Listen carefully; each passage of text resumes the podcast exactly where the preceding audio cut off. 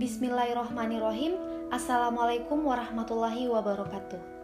Halo teman-teman, sudah tahu tidak virus corona telah menyebabkan kasus infeksi di sebagian besar negara di dunia termasuk Indonesia. Wajar kalau kita merasa khawatir akan terinfeksi virus itu karena penularannya yang sangat cepat namun, kita bisa mencegah penyebaran virus corona ini dengan lima langkah mudah.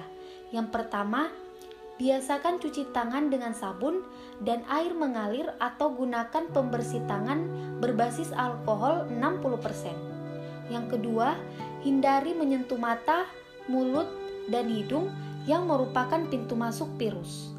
Yang ketiga, jika Anda batuk dan bersin, tutuplah mulut dengan lengan bagian dalam atau tisu atau gunakan juga masker. Yang keempat, hindari kerumunan atau kegiatan yang melibatkan banyak orang dan jaga jarak. Yang kelima, jika Anda punya gejala infeksi virus corona, segera ke rumah sakit. Yang terpenting, tetap tenang dan jangan panik dalam menghadapi pandemi dan selalu jaga kesehatan.